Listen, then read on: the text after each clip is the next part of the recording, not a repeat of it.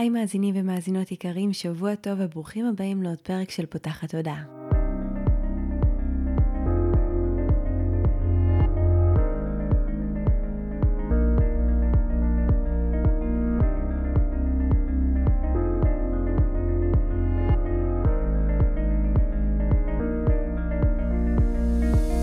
זו הפעם הראשונה שלכם כאן, פותחת תודעה היא תוכנית שנועדה להעביר רעיונות, לאתגר תפיסות קיימות ולפתוח את צורת החשיבה האוטומטית שנהוגה אצל כולנו לכל מיני כיוונים חדשים במטרה להכניס לחיים שלנו יותר כלילות, שלווה, זרימה, אהבה, קרבה וחופש, גם במערכת היחסים שלנו מול עצמנו וגם במערכות יחסים אחרות. אני ניצן אלפסי, אני המנחה של הפודקאסט הזה ואני מאמנת תודעתית ומלווה תהליכי העצמה אישית בעזרת כלים מעולמות התמודע, האנרגיה והרוח. ובפודקאסט הזה אני גם מארחת וגם מדברת בעצמי על כל מיני נושאים שמעניינים אותי, מסקרנים אותי, ואני חושבת שהם בעלי ערך וצריכים להגיע גם לאוזניים שלכם. בפרק שלנו השבוע אירחתי את יעל דורון יבין, שהיא מלווה נשים לשלב רוחניות בתוך הפרקטיקה, ולהיות מאושרות ללא תלות בנסיבות, היא באה ממש עם המסר של באתי ליהנות ואתם תגלו במהלך הפרק גם איך בדיוק המסר החשוב הזה הגיע. ובפרק הזה היא באמת מספרת על החוויה שלה של מוות קליני, איזה תובנות היא הביאה, איזה תודעה, איך זה השפיע עליה אחר כך, איך היא מצליחה לשלב את התודעה הזאת, את האור והאהבה שחווים בתוך אה, חוויית סף מוות אה, בחיים שלנו היום, ובאיזה כלים אנחנו יכולים להשתמש כדי להביא את התודעה הגבוהה הזו גם לחיים הארציים שלנו, דיברנו על הניגודיות שבחיים האלה, ואיך אפשר לצלוח אותם בתודעה שכמה שיותר קרובה לתודעת הנשמה, זה פרק מאוד מאוד מעניין ופותח תודעה, אנחנו מקוות שתהנו ממנו. ממנו, וכמובן, כמו תמיד, נשמח שתשתפו אותו בכל דרך שתבחרו, כדי שיגיע לעוד אנשים, שתהיה לכם האזנה נעימה. היי יעל. אהלן ניצן. איזה כיף שאת כאן. ממש. הזמנתי אותך אה, היום שנדבר על אה, חוויית מוות קליני. כאילו זה הגיע או, כזה, זה מצחיק, יש לנו היכרות מקדימה, אה, ולא ידעתי שזה משהו שחווית, ואז כזה שאלתי באינסטגרם על אנשים שמתעסקים עם אובדן, כי אני רוצה גם לעשות פרק על הנושא הזה. ואז אה, סיפרת לי שעברת מוות קליני, ואמרתי, או, oh, הזדמנות טובה להיפגש, גם uh, לראיין אותך עם כל הידע והתוכן שאת מביאה. uh, וגם לדבר על נושא מאוד מעניין, שאני חושבת שכל מי שככה, בטח לחץ פליי על הפרק הזה, אבל באופן טבעי אנשים, הנושא של מוות מאוד מאוד מסקרן אותם. מסקרן ומפחיד. נכון. זה תמיד בא ביחד איכשהו. אה, אז תודה שהזמנת אותי וכיף להיות כאן. אה, לא ידעת את זה עליי, כי זה באמת משהו שאני לא אוהבת הרבה פעמים לשים בחוץ, אה, כי זה טורף את כל הקלפים של כל השאר. וכי אני בעצמי הרבה פעמים התביישתי בזה בתחילת הדרך. למה? חוויתי את המוות קליני בלידה של הבן האמצעי שלי. לא ידעתי שזה מה שחוויתי, חוויתי איזושהי חוויה שעוד מעט אני אספר עליה כי זה מעניין. והייתי בטוחה שפשוט פוצצו אותי במורפיום והזיתי, וזה פשוט הזיות. אה, וגם כשחזרתי והייתי שנתיים אה, ככה במצב כזה קצת דיכאוני וקצת קשה, אה, לקח לי זמן בכלל להבין שזה מה שחוויתי, רק כשנחשפתי לעוד סיפורים ואמרתי, רגע, זה אחד לאחד מה שהיה לי, אז העזתי טיפה להוציא את זה החוצה, וגם אז מאוד חששתי מהלה לה לנד. מאיך שזה ייתפס, ממה יגידו, מאיך אני בכלל מגיעה לשם עכשיו שוב, לאותו תדר, כשאני במצב נפשי לא פשוט. Mm-hmm. אה, אז בואי נספר מה כן. היה. עשיתי build-up. לגמרי. אה, הייתי בלידה של הבן שלי שהסתבכה, ו... הובילו אותי לחדר ניתוח, וראיתי תכונה של רופאים סביבי, ובבת אחת היה מין shutdown כזה. אמ, שפתאום ראיתי את עצמי במנהרה לבנה, וכל החיים עוברים לפניי. אה, דברים שלא, במודע לא ידעתי ש, שהיו. אה, גננת שלי בגן, ואיך קראו לה, ומזל הגננת, ובגיל שלוש, וצ'ופרים שהכנתי בצופים, כאילו זה נכנס לפרטי פרטים, שאת בכלל לא זוכרת, אבל הכל עובר מאוד מאוד מהר, עם איזה אור לבן, מרגיש כמו מנהרה. אבל לא בדיוק, והתדרים היו מאוד מאוד נעימים. תדרים של אהבה, ושל רכות, ושל שמחה, ושל איזה כיף, וכזה, בגלל זה גם חשבתי ש... שפשוט הייתי בהיי מסוים. אה, ואז ראיתי את ההלוויה שלי, וראיתי את הבן שכרגע ילדתי, עם בעלי ועם הבן הגדול. אה, לפני זה ראיתי את בעלי כשמוציאים אותו מהחדר, ראיתי את עצמי על אה, מיטת הניתוחים, אה, ומוציאים אותו מהחדר ומדברים איתו, והוא תופס את הראש, אני לא שומעת מה אומרים, אני רק רואה מלמעלה. אה, וגם שם לא היה את התדרים הארציים של, אימא'לה, מה זה, אני רואה את עצמי, מה קורה? אין את הבליל הזה שיש לנו הרבה פעמים ברמה הארצית. היה רק, וואו, מותק, אני איתך, כאילו כאלה. ואז ראיתי את ההלוויה שלי, וגם שם לא היה, רגע, אני מתה? למה אני רואה את ההלוויה שלי? אין את הסאונד הנוסף הזה שיש לנו בעצם בעולם הארצי, היה רק, יואו, גלית מהצבא, לא מאמינה שהגיעה, כאילו כאלה. אה, זאת אומרת, עדיין היה שם איזשהו קול שהוא מוכר לי, של עצמי, אבל אה, לא ברמה ה... אה, של התדרים הנמוכים, של הבהלה, של דרמה, של דאגה. אה, ואז ראיתי את אימא שלי, שאם אנחנו כבר מדברות על מוות, אז נפטרה 12 שנה לפני שחוויתי את החוויה הזו, וראיתי אותה בריאה, כשאני זכרתי אותה בפועל רק חולה, יושבת על איזה כורסה אדומה, ואומרת לי, אני באה ואני, אוי אימא, יש שם רק, אין שם, יואו, איך התגעגעתי ל... אין, אין, כאילו, את יודעת, מה שאנחנו חושבות שאנחנו כביכול אמורות לחוות, יואו, התגעגעתי אליך, לא ראיתי אותך, יואו, אני לא מאמינה שאני רואה, אין את כל הדבר הזה. אה, היה רק, יואו, אימא, כאילו, אה, אני מכירה אותך, כאילו איזו תחושה אה, מאוד מוארת, מאוד עוטפת, מאוד בטוחה. והיא התרוממה ועשתה לי כזה עצור עם היד ואמרה לי, תחזרי, זה לא הזמן שלך. ואל תשכחי שבאנו ליהנות. נורא יש לי צמרמורת. ובום, בבת אחת, בכאילו שאיבה כזאת, חזרתי לחדר התאוששות בבית חולים, ואז פתאום כל הרגשות שלא חוויתי שם, פתאום הגיעו בבת אחת. אימא'לה, איפה אני? איזה שנה? מה קורה? אני מתה? מה... כאילו בהלה נורא נורא גדולה, אני ממש זוכרת שתפסתי את האחות המסכנה שבאה לראות, אוי, התעוררת, מה שלומך? תפסתי אותה, ואמרתי לה, תגידי לי איך קוראים לי? מה קורה? למה אני חוויתי את כל הדבר הזה? מה... והם היו פשוט בטוחים שאני מסוממת נורא, וש... התעוררתי מהרדמה המבוהלת, אמרתי לה, בבקשה תביאי לי את בעלי, אני חייבת לראות שזה הוא, אני חייבת לראות שאני כאן. אולי אני כבר עברתי למימד אחר, אני לא יודעת מה, אפילו לא ידעתי להגיד מימד, כן? עוד לא הייתי כן. ברמת המודעות שאני היום, אבל עברתי לעולם הבא, איפה אני? מה קורה? ראיתי, ראיתי דברים. אה, וגם כשהוא הגיע, אז אמרתי לו, תצבוט אותי, תכה אותי, אני חייבת לדעת שאני מרגישה משהו, כאילו היה שם איזה דרמה כזו. אה, אבל to make a long story short, זה פתח אותי תודעתית. אה, רק שנים אחר כך, לקח לי זמן, לקח לי זמן לומר שאני רוחנית. הייתי עד אז, כבר הייתי מאמנת, אבל הייתי מאוד uh, רציונלית, מטרות, יעדים, uh, חזון, את יודעת, במקום הזה. Uh, לקח לי זמן להבין בכלל uh, שחוויתי את זה, לקח לי זמן לספר את זה, אפילו לקרובים שלי. אני חושבת שרק אחר כך הם שמעו את זה, כשאני מספרת את זה לאחרים. בערוץ אחד ראינו אותי, בכל מיני כאלה, כאילו לא ידעו את זה עליי. אה, מאוד חששתי להוציא את זה החוצה, אה, להיתפס באיזה אופן מסוים. גם לא היה לי, אין לי עד היום, הוכחות. ובגלל שאני באה מבית שהוא כזה, מה שלא מוכח לא קיים, לא ידעתי להגיד שזה באמת מה שקרה. אני יודעת שהרופאה התנצלה יום אחר כך ולא הבנתי על מה היא מתנצלת, חשבתי על זה שהקיסר הסתבך והרדימו אותי. אה, לקח לי זמן להבין בכלל שזה, שזה מה שעבר עליי. גיליתי שזה מה שקרה רק בזכות זה שנחשפתי לעוד סיפורים של חוויית סף מוות. אה, וראיתי שזה אחד לאחד פשוט מה שחוויתי, והבנתי שיש פה הרבה מעבר למורפיום.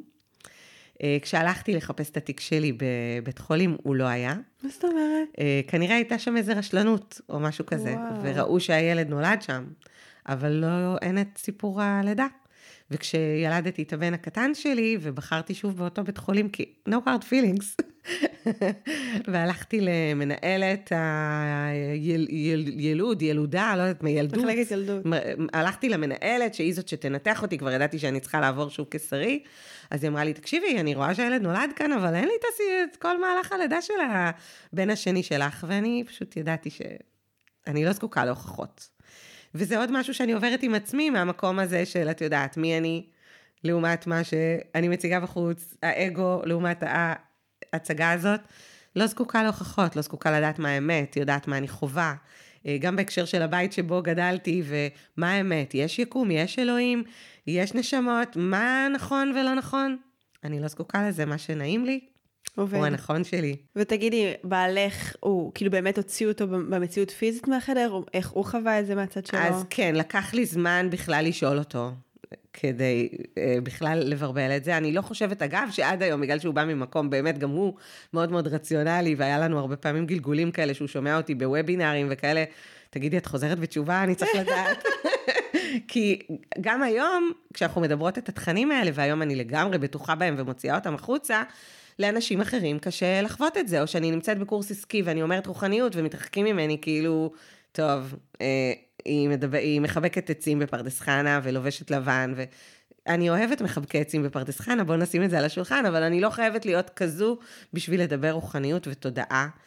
אה, וכן, רק אחרי שנים שפתחתי את זה מולו, הוא אמר שהוציאו אותו מהחדר, דיברו אותו רופאים, שאלתי אותו, אתה זוכר? אני זוכרת ספסל ירוק, אתה, אני זוכרת שהיו איתך שלושה רופאים, הוא אמר, וואי, אני כבר לא זוכר, כי לקח לי זמן לפתוח את זה. אבל כן, דיברו איתי, אני חושב שבאמת שמתי את היד על הפנים. אה, אני חוויתי ש, שראיתי את זה. ראיתי את עצמי, ראיתי את הגוף שלי, עליתי למעלה, אה, ראיתי אותו, ראיתי את אותה מנהרה.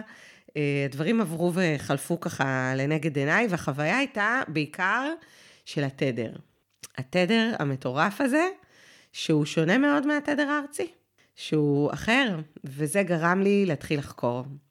זה גרם לי להתחיל קודם כל לראות את החיים אחרת, להבין שאנחנו לא חייבות לעבור חוויה כזאת כדי להבין שיש פה מימדים, וכדי להסתכל על מוות גם ברמה אחרת.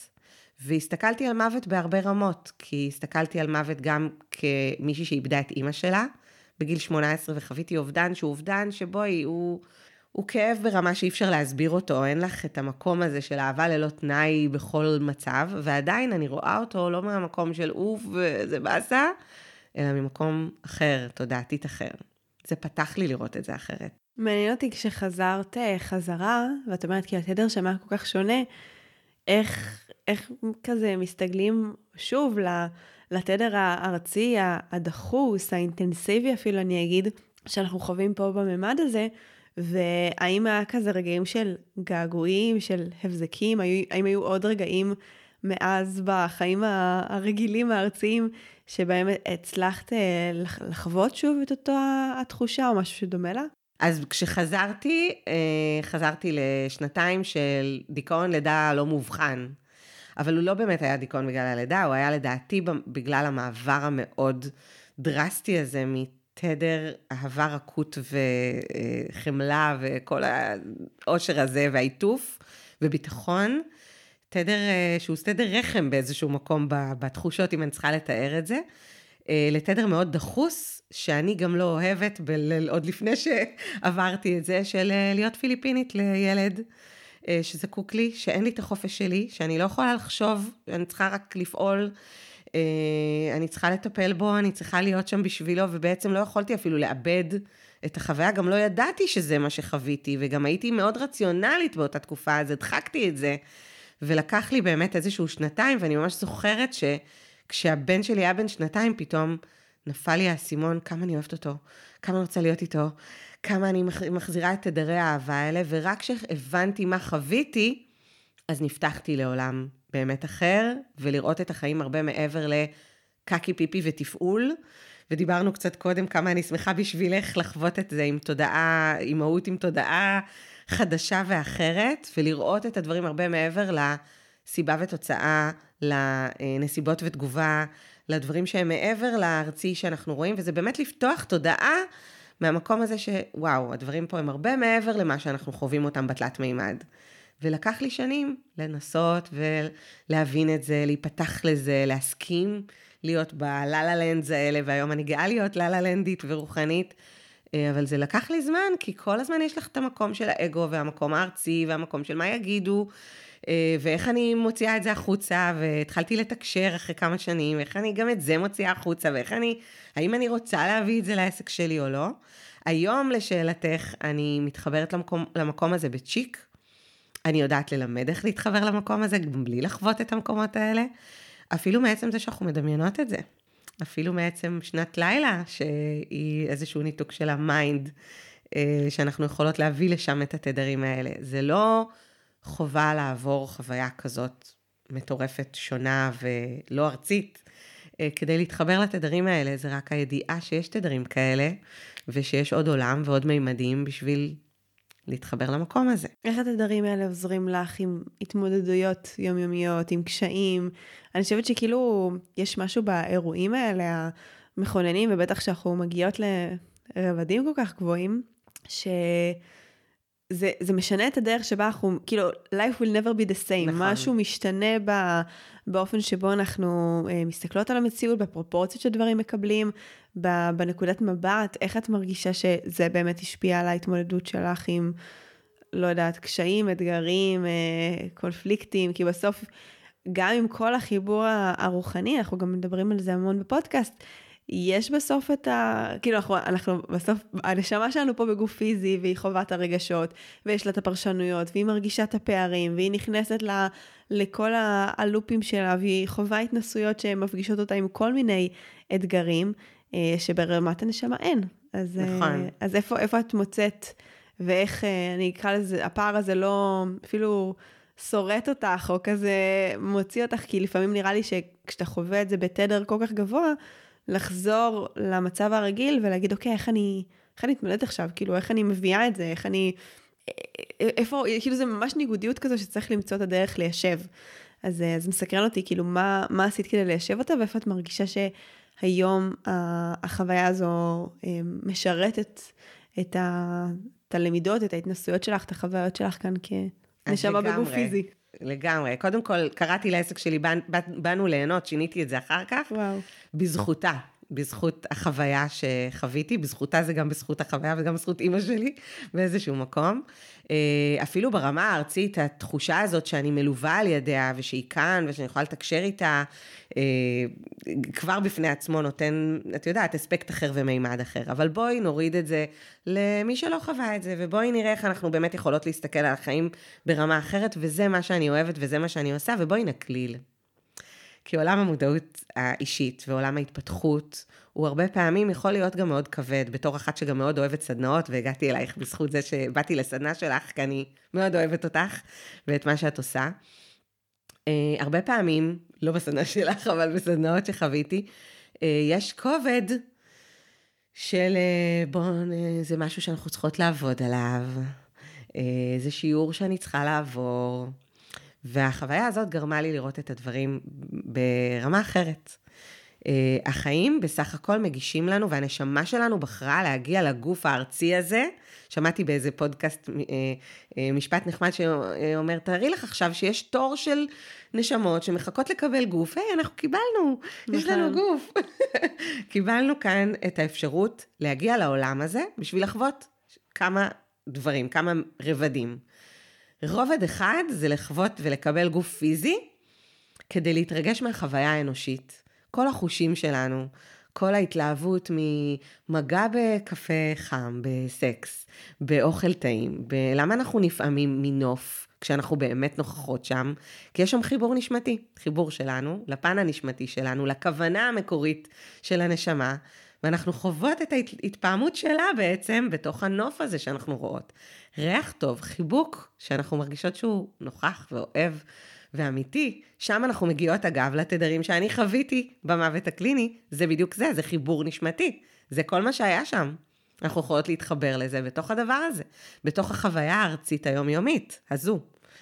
ואגב, אם אנחנו כבר מדברות, רגע, אני סוטה שנייה, פותחת ענף על מוות, המוות הוא סוג של חבר שבגלל שהוא סופי בתפיסה שלנו הארצית, הוא בעצם מראה לנו את נדירות הדברים האלה. כי אדם שנמצא על סף חוויית מוות, אם הוא, הודיעו לו שהוא ימיו ספורים, או שהוא חולה באיזה מחלה סופנית, או שמשהו הולך להיגמר בתפיסה של איך שהוא תפס את זה, מה רוב האנשים חווים, הם פתאום מעריכים כל רגע, הם פתאום נפתחים תודעתית, הם פתאום רוצים שוב לחבק את האוהבים שלהם, לחוות עוד טיול, עוד, עוד uh, טעם, עוד ריח, עוד מגע.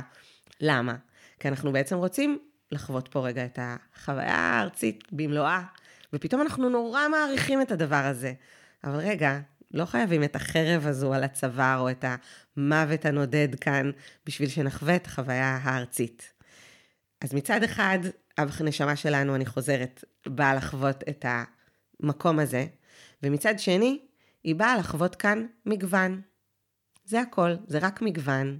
מגוון של עצים, מגוון של פרחים, מגוון של אנשים, מגוון של דעות, מגוון של מחשבות. והארצי, הפן הארצי שלנו, בעצם מתרגם לנשמה את איך שהוא חווה את החיים. מכאן גם נולד הייעוד שלנו והייחוד שלנו, איך כל אחת מאיתנו מתרגמת את החוויה הארצית שלה.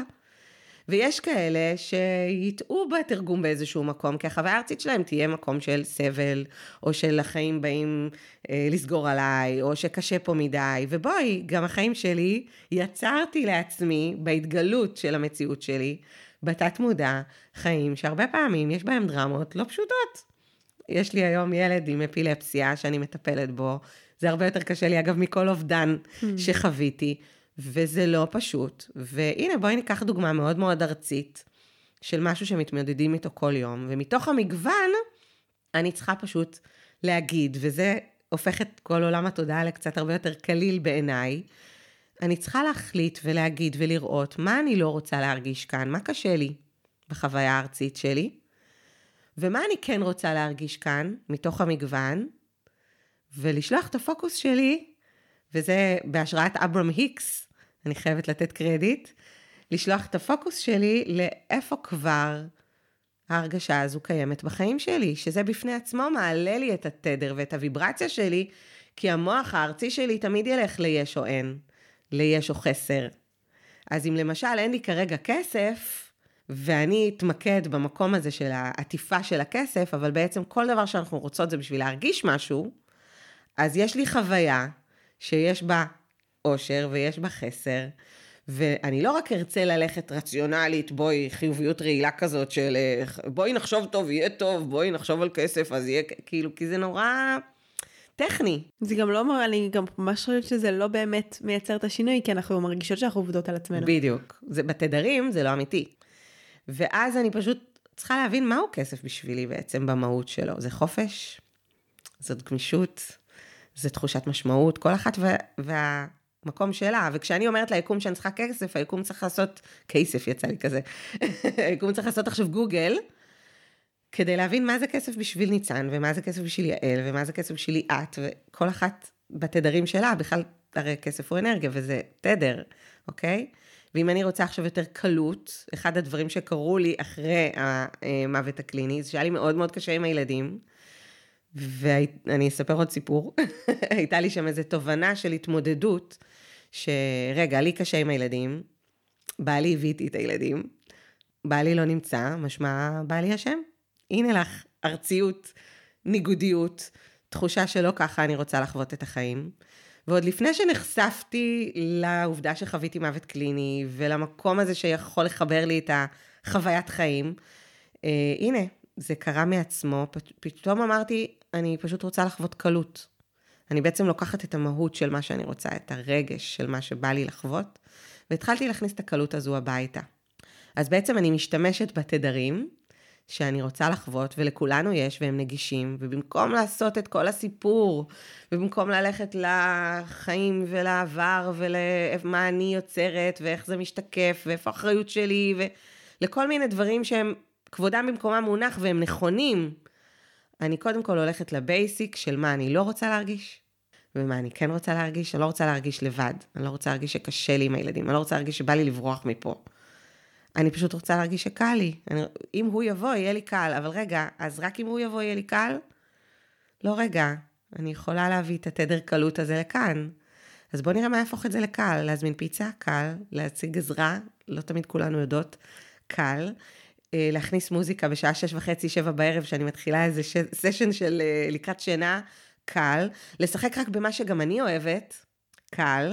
וסיפרתי לך מקודם שכל העולם הזה נפתח לי בזכות האימהות, כי זה קשה ביום-יום לחוות דברים שהם, לא תמיד את רוצה להיות שם, אבל את כאן. אי אפשר לפטר את הילדים ול... ולברוח, אי אפשר להתגרש. ואני חווה את זה, אז בואו נכניס את התודעה לתוך הדבר הזה, ואיך כביסה הופכת לנוכחות ומדיטציה, וכלים הופכים למדיטציה, וכשאין לי כסף, אז אני בסך הכל מבינה שאני חווה פה איזושהי חוויה שיצרתי לעצמי בשביל התפתחות.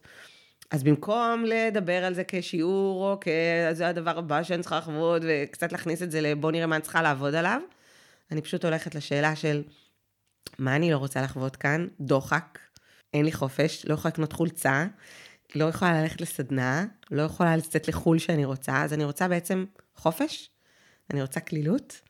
איפה יש לי את זה כבר? רגע, יש לי את זה במחשבות שלי. רגע, אפילו לאסירים יש את החופש הזה? אפילו להם אי אפשר לקחת את הדבר הזה? פתאום אני מרגישה נורא עשירה.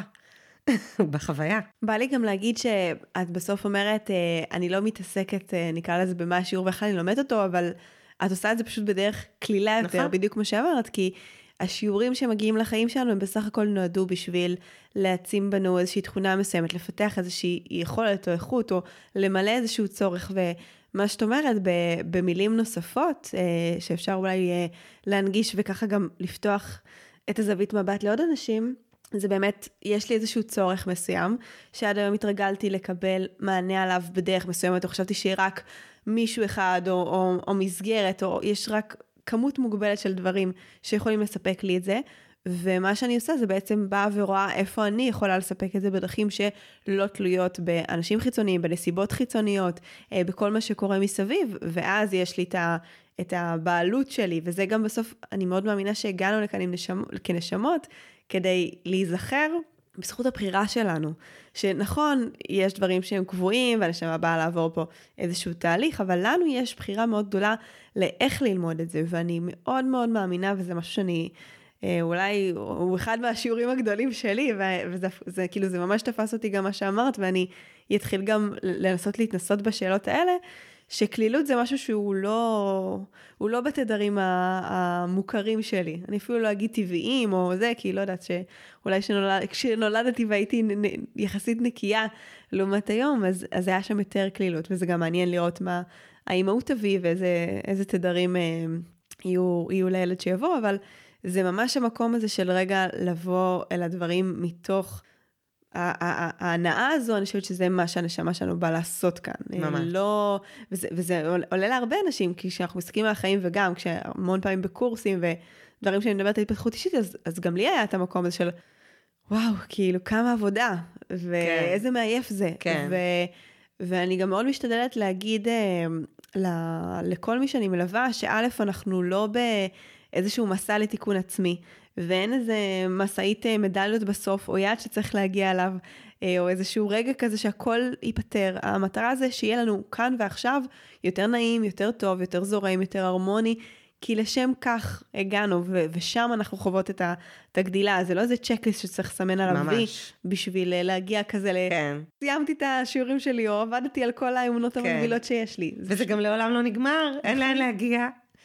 אי אפשר לטעות.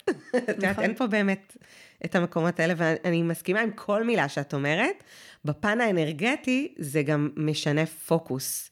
זאת אומרת, זה מעבר לפן הרציונלי של במקום לקבל את זה מבחוץ, את יודעת, גם אצל נשים הרבה פעמים יש את הרצון להיות אהובה וראויה ועטופה, ואז כשאני שואלת מישהי מה את רוצה להרגיש, אני רוצה להרגיש ראויה, אני רוצה להרגיש עטופה.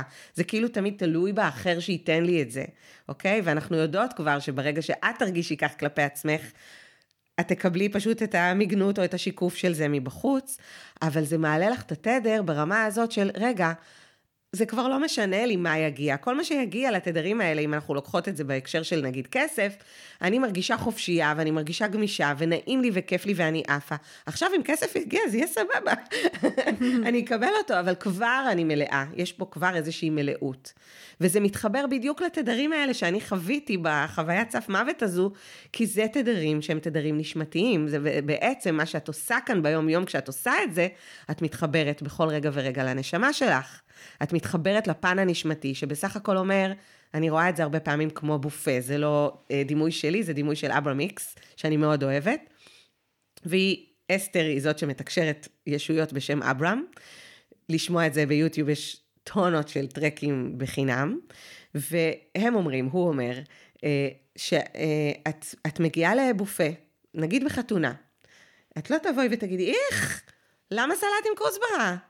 תביאו לי סלט, את פשוט תבחרי בתוך המגוון את מה שנעים לך, ואת לא תגידי לבחור שנותן לך בקייטרינג את המנה, למה אתם מגישים סטייקים? אתם לא שמעתם על טבעונות? לא שמעתם? את לא תתחילי לחנך את העולם, את פשוט תיקחי מנות שמתאימות למה שאת רוצה. וככה זה גם בחיים.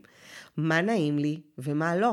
ואם אני חווה חוויה שהיא כרגע לא נעימה לי, כל מה שאני צריכה לעשות, במקום להיכנס לדרמה ולבכות, או לרחם על עצמי, או להיכנס לקורבנות, או לשאול למה אתם לא מגישים עכשיו כסף בטונות? למה לא קל כאן בחיים? אוקיי, כי אנחנו גם באות בטענות שקשה, ויש לאן להגיע, ואני רוצה שיהיה יותר מושלם, יותר טוב, אבל לא. הקושי הוא חלק מהחיים שהנשמה שלנו בחרה, כי בעולם הנשמתי, סאונד, כל מה שרוצים קורה. והנשמה שלנו בחרה להגיע לעולם ארצי שיש בו פער בין רצוי למצוי, בשביל למצוא את התדרים האלה, בשביל לדעת להתמודד עם הדבר הזה, ולא רק בקטע של תדעי שאת מחוסנת ועברת את זה וכל הכבוד לך, אלא בקטע של תתחברי לעצמך עוד יותר מתוך ההבנה מה את רוצה להרגיש כאן. כל מה שאת רוצה זה בסך הכל עטיפה. כסף, אם אני אביא לך אותו עכשיו בתוך שקית זבל עם המיץ של הזבל, ובכוונה אני משתמשת ב... דוגמה של כסף, כי זה משהו שכולנו רוצים, בואי, לא מתביישות בזה, יש לזה תדרים מהממים גם, זה אנרגיה לכל דבר. ואם אני אביא לך כסף עכשיו בשקית זבל עם המיץ של הזבל, את תגידי לי, סבבה, אני אנקה, אני אסתדר עם זה, זה בסדר. אבל בחיים אנחנו רוצות לקבל את זה בדרך מסוימת, בעטיפת מתנה, עם סרט אדום, אנחנו רוצות את זה cash money בבנק, אנחנו רוצות את זה בכמויות מסוימות, ואנחנו לא ערות לחופש שיש לי בבחירת בגדים. לחופש שיש לי במחשבות, לגיסה שמביאה לי בגדים לילדים, וזה שפע מטורף, לחברה שמזמינה אותי לקפה, ואני אגיד, טוב, סבבה, חמודה שהזמינה אותי, כיף, היה לי נחמד, אבל אני רוצה את זה בקשמני בבנק. אוקיי? זאת אומרת, אנחנו מאוד מנסות לשלוט במציאות שתהיה כמו שאנחנו רוצות, ולא מתמסרות לתדרים שנמצאים כאן מתחת לאף, וזאת הייתה כוונת המשורר של הנשמה.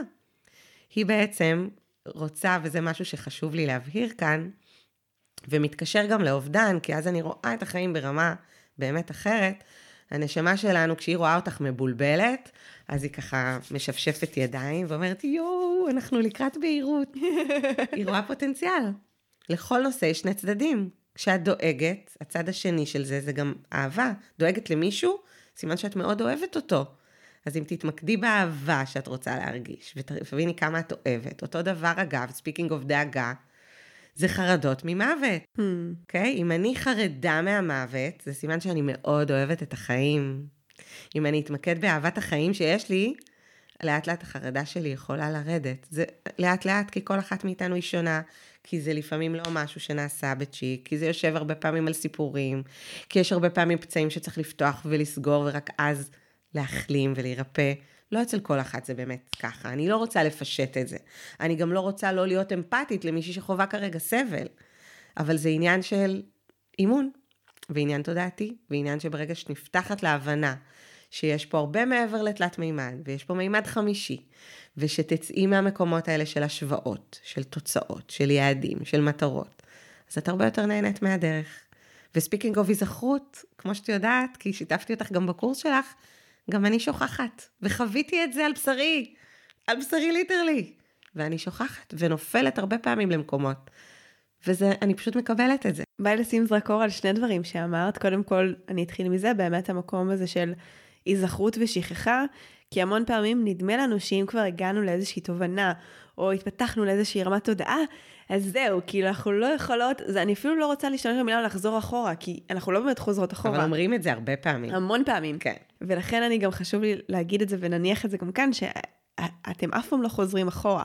אה, מה ששלכם הוא כבר קיים, אנחנו פשוט במסע פה של היזכרות ושכחה, וגם בדיוק נתתי לזה דוגמה בסטורי, עם איזשהו כלי שאני עובדת לחיזוק האמונה, שקראתי לה מחברת, שהיא מחברת כזה של הוכחות, סימנים, כל מיני דברים שמחזקים את האמונה, מחברת היזכרות.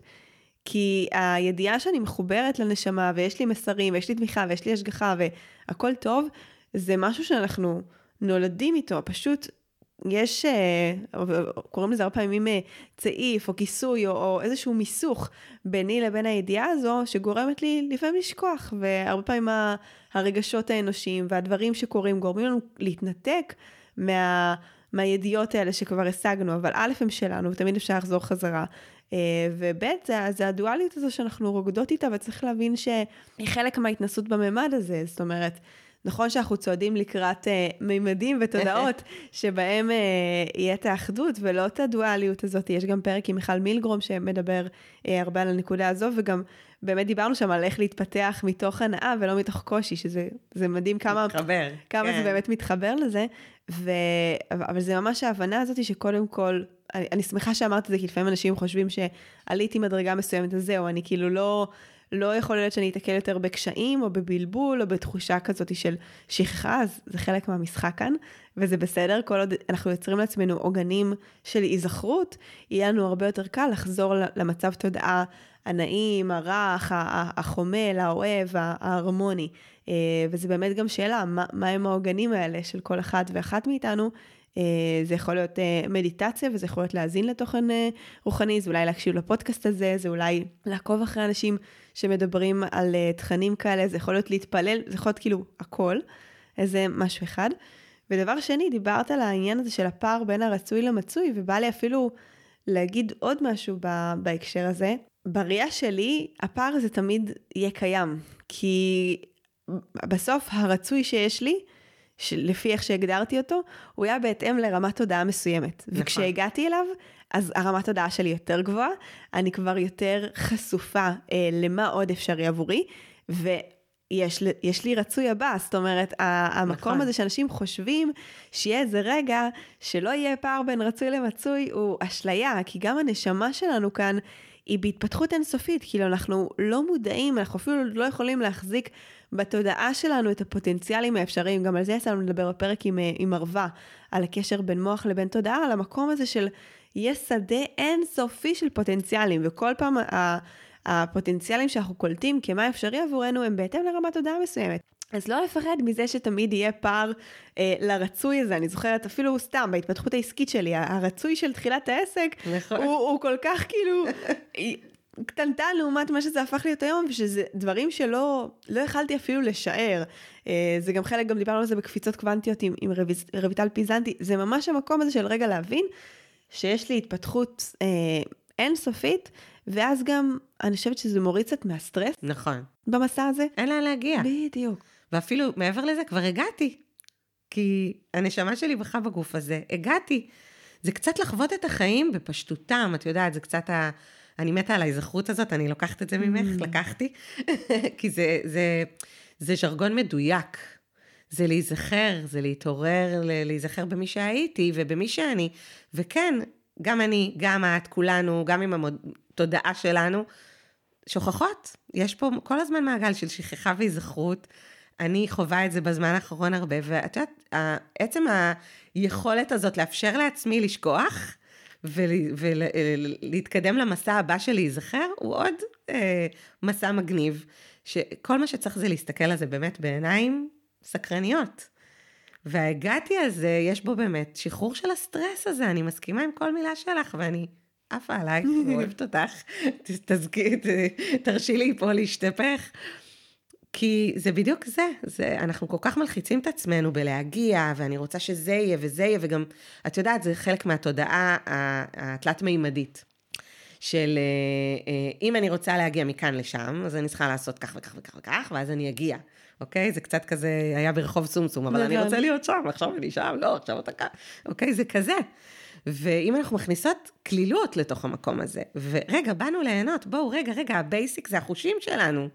ה basic זה לבוא לחוות גוף, אוקיי? כמה פעמים אנחנו אומרות לבן הזוג כואב לי הראש במקום לעשות סקס? בואי, הנשמה מחכה, מסכנה, היא רוצה לחוות עונג וחיבור לגוף. תחשבי שגם המקומות האלה, שהיום יותר ויותר מדוברים, של מיניות, גם הם נשמתיים.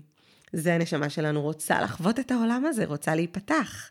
אוקיי? כל החוויות שאנחנו יכולות לעבור בכל מיני סדנאות, הנשמה שלנו ב high. הנשמה שלנו תמיד תראה את הפוטנציאל מעבר למה שאנחנו רואות. אז אם כרגע כל מי ששומעת אותנו מרגישה תקועה, את בדרך ל... תנועה, ואם את מבולבלת, את בדרך לבהירות. וזה נורא כיף לראות את הדברים מנקודת מבטה, ולהתחיל ליצור איתה קשר מתוך הדבר הזה. ובאותו אופן אנחנו יכולות להסתכל גם על מוות. אם אנחנו עושות רגע חזרה לנושא שממנו התחלנו, אני חוויתי כמה אובדנים בחיים שלי, וכשאני מסתכלת על זה נשמתית, אני מבינה שהנשמה של אימא שלי פשוט עברה מימד. זה לא שהיא לא כאן, היא לא כאן פיזית כמו שהכרתי, אבל מה שאני לא רואה לאו דווקא לא קיים. נכון. ויש בזה משהו מאוד מרגיע, ואם אני כרגע מפחדת למות ומפחדת שיקרה לי משהו, זה הרבה פעמים כי אני מקטלגת כחיים זה טוב ומוות זה רע. וגם זה עניין תרבותי, בואי. נכון. בהודו חוגגים אנש, לאנשים לפני מוות חגיגת חיים, ומקנאים בהם שהם עומדים לעבוד, לעבור מימד. וביוון, אלמנה צריכה ללבוש שחורים כל החיים ולעולם לא לחגוג ולהינשא, כי המוות זה הדבר הכי נורא שיכול להיות, זה בעצם הרבה יותר נורא ממה שאנחנו תופסים את זה. וואו. אוקיי? אז זה גם מאוד עניין תרבותי איך אנחנו רואים את הדבר הזה. אם אנחנו מבינים שאין באמת סוף, ושאם רק אנחנו ניפתח ונבין שבסך הכל הגוף שלנו נגמר, אבל הנשמה עוברת מימד למקום אחר, ושאם אני מפחדת למות, זה בגלל שאני, אני מאוד אוהבת להגיד, זה פשוט אומר כמה את אוהבת את החיים, אז בואי תחגגי אותם. אז אל תתמקדי בפוקוס שלך, הפוקוס שלנו הוא האנרגיה שלנו. הוא האנרגיה הנשמתית שלנו, הוא הספיריט שלנו. אני אוהבת להשתמש במילה הזאת באנגלית, כי אני חושבת שהיא יותר ממצה. המילה אנרגיה לוקחת לכל מיני מקומות של אנרגיה פיזית, ואנרגיה mm-hmm. מנטלית, ואנרגיה רגשית. לא, אני מדברת על הפן הנשמתי בתוך הגוף שלי, שמתקשר עם הפן הנשמתי שקיים מסביב, הפן האנרגטי של השדה המאוחד, שמשותף לכולנו. עליתי פה גבוה. ואם אנחנו פשוט מתחילות יותר להיות ערניות לזה, ובחישה למקום הזה, אנחנו מורידות את מפלס החרדה, את מפלס הלא לדבר על המחלה, על המוות, על הפחד. זה חלק מהמסע שלנו כאן. בואי נהרוס לכולם את הסוף של הסרט, כולנו נמות. סורי. אוקיי, אבל בואו נראה איך אנחנו, דווקא מהפחד, מי שמפחדת, סימן שהיא מאוד מעריכה את החיים ואוהבת אותם. אז בואי תחגגי אותם. זה ממש לשנות נקודת מבט. חשוב לי גם להציף אבל גם מנגד את הקול הזה ש... נגיד אני כשבאתי ונחשפתי לעולם של נשמות והבנתי שמוות זה בסך הכל כאילו אוקיי, מתקדמים הלאה וזה, וזה לא דבר רע ונשמות גם שמחות לחזור למעלה ו, וכאילו זה בסוף פסיק מתוך כל החיים שלהם, הגלגול הזה. אמ, זה כאילו מצד אחד נתן לי הרבה מאוד שקט, ומצד שני חשוב גם להבין שבגלל שאנחנו נשמות בגוף פיזי ובממד ארצי שיש בו רגשות, זה גם בסדר שנחווה סביב הנושא הזה של מוות. גם פחד וגם עצב, כאילו זה שאני מבינה בראש שלי שבן אדם עבר, וכאילו, אפילו אם ברמה הארצית אני אגיד, הוא כבר לא סובל יותר, זה, זה לא ישנה את זה שאני מת, מתגעגעת אליו, נכון. שהוא חסר לי, שאני אוהבת אותו, ש, שהייתי רוצה את הנוכחות הפיזית שלו, אבל זה באמת גם הזדמנות לחקירה. איך אני יכולה להתחבר אליו בעוד ממדים. נכון. ואהבתי מאוד שאמרת את זה, כאילו, זה לא שהיא לא נוכחת כאן, היא, היא לא נוכחת דרך העיניים הפיזיות וחמשת החושים שאני רגילה לחוות אותה, נכון. אבל בחושים חדשים ואחרים שיכולים גם להתפתח, אני יכולה לחוות אותה בעוד כל מיני ממדים נוספים, אבל אני רוצה שגם נזכור את המקום הזה שההבנה הרוחנית, כי זה גם, הרבה נכון. אנשים עושים מניפולציה כזאת רוחנית כדי לא להרגיש את הרגשות. נכון.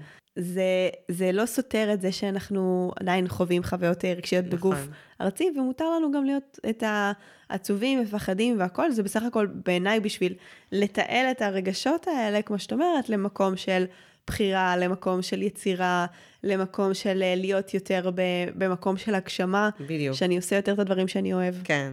אז אני רוצה להגיד על זה שני דברים. קודם כל, תובנה מאוד גדולה שהייתה לי. אה, גם בעקבות לידה שקטה שעברתי, גם את זה עברתי. אני מתגלה לי מציאות שאני יוצרת אה, מתוך המקומות האלה, שאפשר לחוות כאב ושמחה ביחד. אפשר לחוות מולטיפל תודעות ביחד, תודעות רב-ממדיות ביחד. זאת אומרת, אני יכולה לכאוב, ועדיין להרגיש שאני בסדר. והגעגוע שלי, נגיד לאימא שלי, גם כשאני יודעת שהיא אה, במימד אחר, הוא נוכח כל הזמן, והוא הרבה פעמים צובט. שוב, בגלל שאני חווה רב-מימדיות תודעתית. אוקיי? כי אני אלך ברחוב ואראה אימא שקונה לבת שלה אה, בגדים ומתחבקות ונהנות, וזה תמיד יצבוט לי בלב שלי אין. ותמיד יהיה לי את המקום הזה שנורא רוצה לחוות את האהבה ללא תנאי, שרק אימא או אבא יכולים לתת, אוקיי? אז זה לא שזה אה, לא נראה, אבל יש לצד זה עוד תודעה שעוזרת לי אה, לכאוב קצת פחות, הייאוש הופך קצת יותר נוח. אה, ואני גם מאוד אוהבת את הבאמת להרגיש אותה ולראות את המעבר. ואני לא אה, אה, בעד למסך רגשות אה, נמוכים, בתדרים נמוכים, או שליליים, או לא נעימים. להפך, אני אוהבת אותם כמקפצה בשבילי לדיוק עצמי, לחיבור עצמי, להבנה שלי את עצמי. שוב, מתוך השאלה הזאת של הם עוזרים לי להבין מה אני לא רוצה להרגיש ומה כן. אני לא מיד אתמיר, אני לא מיד אעביר פוקוס כדי להתמיר תדר. להפך, לפעמים הרבה פעמים אני ארצה להיות בבאסה, ואני חייבת להגיד לך שאני אחרי תקופה של יותר מחצי שנה של לתת לדברים האלה להיות, ושלא הייתי בהיי בחצי שנה האחרונה, והייתי עם המון גם ענייני אגו וכל מיני כאלה, וזה בסדר. אני פשוט רואה את זה גם כחלק מהדרך הארצית שלי. נשמה שלי בחרה עכשיו שאני אתבוסס בתוך הדבר הזה, וזה בסדר גמור. צריך להיזהר מחיוביות רעילה, גם ברמה של התודעה הרב-מימדית הזאת, של כאילו, אה, הכל טוב, די, נו, תקלי לי, נו, ת... גם תשחררי. כאילו, את יודעת, זה כמו להגיד למישהי, תירגעי, זה נורא מעצבן. נכון. אוקיי? אנחנו צריכות להיזהר מזה, במיוחד כנשים שמעבירות uh, אחרים תהליכים, גם ברמת האמפתיה. שכל קושי הוא קושי, גם כשאת לא חווה חוויות כאלה קיצוניות. אה, מספיק שמבאס לך אה, באיזה ריב עם בעלך, או שהילד יתחצף, וזה חוויות ארציות פשוטות, אך קשות. בוא ניתן מקום גם לדבר הזה, אבל תדעי שבסך הכל זה איזושהי בחירה נשמתית לפער שיכול לקחת אותך לעוד צעד לעצמך, אפילו רק מתוך השאלה של מה אני לא רוצה להרגיש כאן, ומה כן, ואיפה כבר יש לי את הכן הזה היום, מעלה תדר, שולח פוקוס, התודעה שלי מתחילה להתרחב רק מהדבר הקטן הזה. וזאת הקלה אדירה, היא הרבה יותר קלילה, והיא מקלילה את החיים, ולי זה שינה את החיים. וזה שינה את החיים גם מעצם זה שהסכמתי להיפתח, ולראות מעבר, ולא להגיד, טוב, מה שעברתי זה מורפיום, ונסגור את המגירה הזאת mm. בצד, וזהו. אני חושבת גם שדיברת על, על המקום הזה, שנתת דוגמה, או את המשפט הזה שמאוד אהבתי, שהבלבול בסוף יוצר בהירות. אני חושבת שגם יצא לדבר על זה בכל מיני פרקים, על המקום הזה של הדברים הכי טובים בעסק, בחיים שלי, נולדו אחרי תקופות שהייתי כזה, אין לי מושג איך אני מתקדמת, אין לי מושג איך אני ממשיכה. ואחד הדברים שמחזקים את האמונה עם הדרך, זה המקום הזה שכבר זוכר. נכון. אה, ו- ומסכים לשהות בתוך הבלבול, כי המון פעמים אנחנו, כשאנחנו חוות את ה... את אומרת, כמו ההתבוססות הזאת בתוך הקושי, אז יש כבר מקום כזה של התנגדות אליו, ההתנגדות אליו משמרת אותו, ואז אנחנו עוד יותר שוקות בבוץ, וזה מעין נכון, כזה גלגל. נכון. וזה ממש המקום של רגע, לקבל את הדברים, נכון. לשמור עליהם עדיין בטווחים, לא להפוך אותם לסבל, כאילו לתת להם את המקום, אבל לא להפוך את זה ללמה זה קורה לי ואיך אני נתקעת, נכון. להחזיק בה את הידיעה הזאת שאני כרגע מעדכנת גרסה, כן. עולה למדרגה הבאה, אה, שזה מעביר אותי דרך איזה שהם תדרים של כל מיני רגשות וחוויות ודברים, בשביל לעלות ולהתפתח לרמה, לרמה גבוהה יותר. יש בזה משהו שהוא מאוד מאוד מקל, וגם זה תפס אותי כאילו כשדיברנו על זה קודם, ההבנה שבאמת ה... כל החוויות כאן הן מצד אחד מאוד משמעותיות ומאוד חשובות, ומצד שני, הן גם גרגר חול. לפעמים אני אומרת, אם היינו נכון. קולטים כמה סיטואציות שאנחנו חוות ביום יום, ונותנים להם כזה המון דרמה. המון אה, משמעות, אפילו, כן. אפילו בלי הדרמה, גם כן. באיזון, אבל נותנים להם כל כך הרבה משקל, ואנחנו שוכחים שה... הם כאילו, הגלגול הזה הוא, הוא גרגר חול בתוך המסע הזה של הנשמה. אני חושבת שזה גם מה שלפעמים עוזר להקליל, נכון. כי אני אומרת, וואו, יש לי נכון. כאילו כל כך הרבה דברים שחוויתי, נכון. דברים לחוות, בואו נהנה. וגם נסתכל על הדברים מעל עצמנו. מה שאת הגדרת עכשיו, אני קוראת לזה עוגנים פנימיים. עצם זה שאני יודעת שהתגברתי על זה, הרבה פעמים אה, התחלתי בדרמה, התחלתי בבהלה. ורק בפעם הבאה הבלבול לא לקח אותי לסערה ולדרמה. ורק אחר כך נזכרתי במסע ההיזכרות שכבר התגברתי על זה ואני יכולה. ולפעמים אני שוב אחזור לדרמה, ושוב אני אזכר, וזה יעזור לי, וזה בסדר, זה פשוט חלק מהדרך שלנו. אבל אם אני לא מסתכלת גם על ה-speaking of ego, רק על עצמי עכשיו, ומה קורה לי, כמה אני מבולבלת, איך הוא לא אמר לי, איך היא אמרה לי, כאילו כמה אנחנו שמים את עצמנו בסנטר, שזה חלק מהחוויה. זה חלק מהחוויה הארצית שהנשמה שלנו בחרה לבוא לאיזשהו אה, אה, גוף שהופך להיות פתאום מרכז העולם מבחינתנו. כל אחת מסתכלת על עצמה מתוך העיניים של מרכז עולמה. אנחנו מספרות לעצמנו את הסיפור של החיים שלנו, את הרצונות שלנו, אנחנו חיות בתוך ההוויה הזאת. אבל רגע, רגע, אם כבר אנחנו מדברות על מימדים שונים של תודעה ושל מוות, תסתכלי על החיים, באמת כמו שאמרת, מעל, מעל עצמך. זה לא לבטל את עצמך, אבל זה מעל הסיטואציה. תסתכלי על הדברים ברמה הנשמתית. תפגשי את הנשמה שלך ותסתכלי איך היא רואה את הדברים. והיא רואה את הדברים למעלה, ובגלל שבתדרים שלה אין דרמה, אז היא גם לא נבהלת. והיא רואה את הדברים למעלה, ושוב, לא תמיד תוכלי להסתכל על זה מנקודת מבטה, כי את גם ארצית. אז תקבלי את זה שגם זה בסדר, וגם זה ככה, אוקיי? וזה להסתכל על החיים ב, מצד אחד אפשור לחוות הכל. אני יכולה לחוות דאונים, ואני יכולה לחוות הייאים, אבל אני גם תמיד יודעת לראות את המעבר. אני תמיד יודעת שרגע, יש לי פה כלי, אפילו מאוד פרקטי, להבין שאה, זה בסך הכל בופה. כל מה שאני צריכה לעשות זה לא לבוא בטענות למלצר או לקייטרינג, אלא לבחור בתוך זה מה נעים לי ומה לא. וזה גם מקליל מערכות יחסים, ומקליל את ההסתכלות שלי על החיים, ומשנה לי את הפוקוס, כי הרי איפה שהפוקוס שלי נמצא, ואיפה שהכוונה שלי נמצאת, שם האנרגיה שלי נמצאת. האנרגיה שלי יוצרת הכל. זה ממגנט אליי הכל, איך שאני ארצה, אבל זה לא מבטל את זה שאני ארגיש לפעמים גם לא, לא נעים. אני להפך, אני, אחד השלבים אגב של אברהם היקס, זה לראות ניגודיות, שמשהו מגיע והוא מנוגד למה שאני רוצה, ולקבל את זה. ולהגיד, אוקיי, אני מבינה את זה, אני כבר רואה את זה בתודעה גבוהה הרבה יותר, אז אני מקבלת את זה. אני יכולה להיות עצובה, לא בטוח שאני אהיה בדרמה. לגמרי, וגם לפעמים אני אגלה שמה שהגיע אליי היה יותר מדויק ממה שאני חשבתי, זה רגע גם לשחרר את האגו הזה שאנחנו יודעים הכל. ממש. אין לאן להגיע, אי אפשר לטעות, לא הכל אני יודעת. אחד המשפטים שאני הכי אוהבת ומלמדת גם את המאמנות שלי, שהן מאמנות uh, אחרות, זה של סוקרטס, כל מה שאני יודע הוא שאינני יודע. אני מתה על זה, כי יש בתוכו את כל מה שאנחנו מדברות עליו עכשיו. את להוריד את האגו, להסתכל על הדברים נשמתית, להסתכל על דברים מלמעלה, לא לקחת דברים יותר מדי בדרמה, ובעצם באנו לחקור. זה מה שבאנו לעשות, כל מה שאני יודעת הוא שאינני יודעת, אם מסתכלת על הדברים בנקודת מבט הזאת, אז בעצם באתי לתרגם ליקום איך אני רואה את החיים. בוא נראה, בוא נחקור, מה אני אומרת על זה, מה אני אומרת על זה, מה, איזה חוויה זאת, וואו, לטעום את זה במסעדה הזאת היה מדהים, מדהים, מדהים, נשמות, שומעות, אתן חייבות. וזאת חוויית חיים. אנחנו מתעסקים לפעמים בהגשמה, ומה עליי לעשות, ובזוגיות, ומי ירצה אותי, וכל כך דברים שהם נראים לנו מרכז החיים, ו- ונורא קשה להתעסק בהם, וכסף יש לי או אין לי, וכל מיני מקומות שהם נורא מכבידים, כשבסך הכל תגידי את נקודת המבט שלך על החיים. זה יפשט, זה יוריד המון המון. את תהיי ממגנטת, את גם תהיי טוב עם עצמך, ואז את תהיי ממגנטת טבעית. לא צריך את כל העטיפות האחרות. זה כבר פרשנויות ארציות שאנחנו עושות. לגמרי. אני חושבת שיכולת לסכם את זה טוב יותר. אני חושבת שזה השיח אה, ממש אה, מעניין ופותח תודה, ותודה רבה שבאת אה, להביא את כל התודעה ואת הידע הזה. תודה שהזמנת אותי, איזה כיף. אז אם אנחנו רוצים לסכם את הפרק הנפלא הזה עם יעל, הנה כמה דברים שאפשר לקחת ולעשות ממנו. קודם כל, באמת לשאול את השאלה מה אני לא רוצה להרגיש ומה אני כן רוצה להרגיש. פוקוס על איפה ההרגשה שאני רוצה להרגיש כן קיימת בחיים שלי. מה התדרים והרגשות שאני כן רוצה לחוות, ולשים לב איך אנחנו יכולים ויכולות להכניס את זה לחיים שלנו כבר היום. לשים לב איפה אנחנו יכולות להתנהג כמו בדיוק בדימוי של הבופה שיעל נתנה, לשים לב מה נוח לנו ומה לא נוח לנו.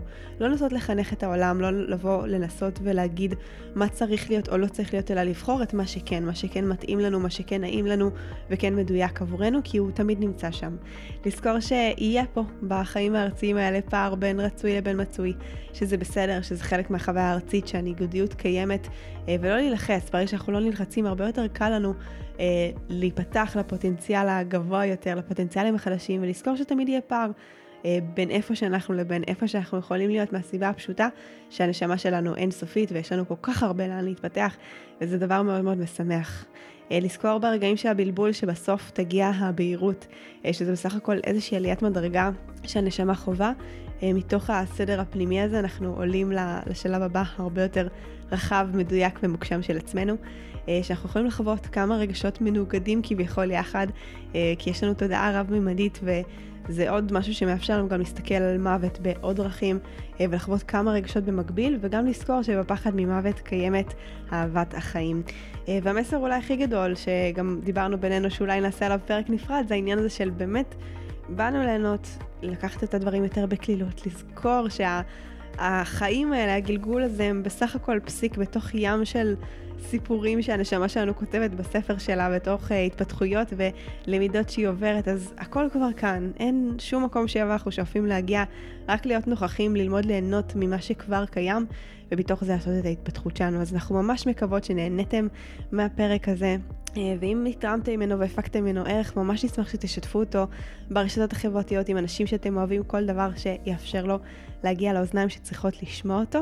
שיהיה לכם שבוע טוב ונתראה בשבוע הבא.